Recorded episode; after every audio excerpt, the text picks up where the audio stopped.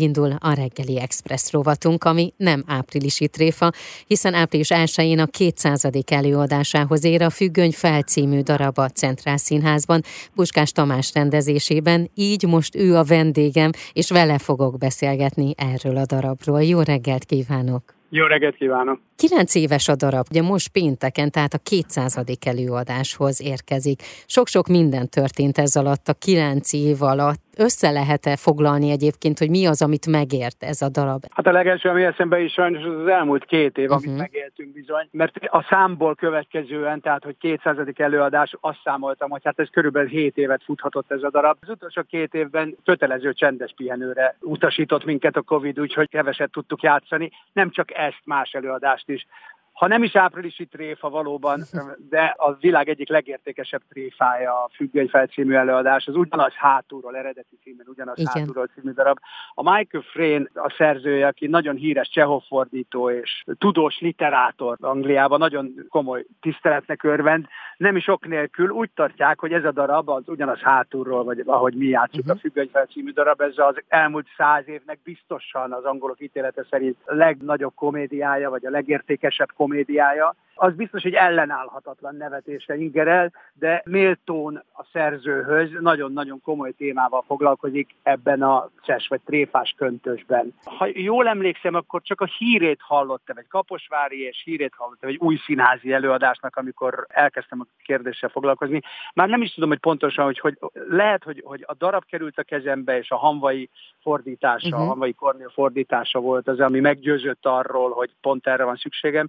De a szereposztása miatt is, mert minden akkori társulati tagunkat remekül foglalkoztatta, elsősorban a Pokorniliát, de akkor éppen nálunk játszott a Berecki Zoli, az Ágoston Kati, a Botoséva, Csernatóni, Pap János, tehát hogy nagyon jól felszívta a társulati tagokat a darab, és mondom, meggyőző volt mindenképpen. Mennyire nehéz színpadra állítani, uh-huh. hogy mennyire nehéz megvalósítani a darabot, az persze csak a próba folyamat közben derült ki, de nem csak megvalósítani, hanem játszani is nagyon uh-huh. nehéz elmondható, hogy miközben a néző hangosan derül és nagyon-nagyon élvezi, semmi sem jobb bizonyíték erre, mint hogy a 200. előadást fogjuk ünnepelni, uh-huh aközben a színészek bizony nagyon keményen megdolgoznak ezért a sikerért. Valószínűleg a Centrál Színházban játszott darabok egyik legnehezebbike a Függöny fel című előadás. Igen, ezzel kapcsolatban ugye csak, hogy így a hallgatóinknak is egy picit így közelebb hozzam ezt, ugye ez egy rémes bohózat, így olvastam, ezt nézhetik végig háromszor egymás után, tehát amikor egy bemutató előtti feszültséggel teli próba, majd a készprodukciót, és utána pedig a felismerhetetlenné torzult előadást. Igen, hát, tehát a darab három felvonásos. Érdekessége egyébként, hogy a Jirzsi Mencel, aki először vitte Európában nagy sikerre Prágában, két felvonást készített csak el belőle, uh-huh. és utána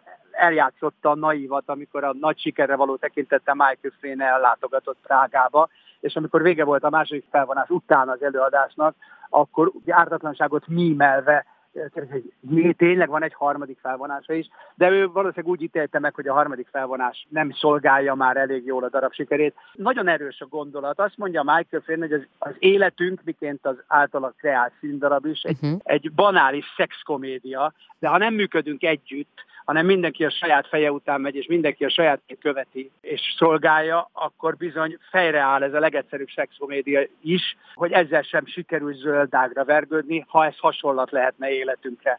Valóban az első felvonás a bemutató előtt uh-huh. van, a második felvonásnak az az érdekessége, hogy az egész színpad, amit az első felvonásban megismertünk, az egész színpadkép megfordul, és a díszletet hátulról látjuk, a belépésre, a színpadra lépésre készülődő színészeket figyelhetjük, akik ugye némák, mert beszélni a színész a színpadon beszél, a színpad hátulján csak némán készül a szerepére, de közben éppen az adódó feszültségektől, ezek leg, leginkább ilyen párkapcsolati feszültségek, uh-huh. az adódó feszültségekből következően hát hátul hihetetlen gyurmázás és botrányos jelenetek sora folyik, miközben amit éppen nem látunk, mert a díszlet eltakarja előlünk, a színpadon folyamatosan, és halljuk, folyamatosan folyik az előadás. Ez igen nagy érdekessége. A másik felvonás egy néma játék, és egy, egy igazi Chaplinhez méltó néma játék, uh-huh. és ennek megfelelő sikert is okoz ott valóban kiesik a néző a nadrágjából. A harmadik felvonás az pedig valóban harmadszor ismétli meg ugyanazt az első felvonásnyi történetet, amikor aztán már tényleg darabjaira hullik,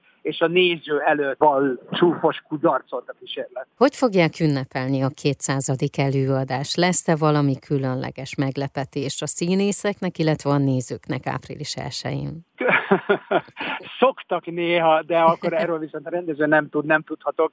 Szoktak néha a színészek készülni ezzel, azzal, amivel magukat és a nézőket is meglepik. Ez annyira pontosan felépített és másodpercre kimért történet és apró történéseknek a sora, hogy nem nagyon hiszem, hogy ebben valami belefér. Ki tudja, a színészek nagyon leleményesek. Ünnepen egyébként hasonlóképpen szoktuk a 200. előadást ünneplő tortát a végén betoljuk, hogy közösen örüljünk neki, hogy ilyen szép sikert ért meg, és utána pedig a színészekkel van egy hosszú állófogadás az előadás után mindig, amikor ilyen szép számot, mint a 200. ünnepünk. Ha bárki lemaradna esetleg április 1 akkor az a jó hírem, hogy április 8-án és május 13-án még látható lesz ez a darab. De én én azt gondolom, hogy színházba járni nagyon-nagyon jó dolog. Annyi-annyi jó tulajdonsága van, és olyan sok pozitívumot kapunk, és mindenkit arra bíztatok, hogy járjon színházba, látogassa a Centrál Színház előadásait, és kívánom, hogy ez az előadás is teltház előtt zajlódjon. Minden szavával egyetértek, én is csak ezt kívánhatom.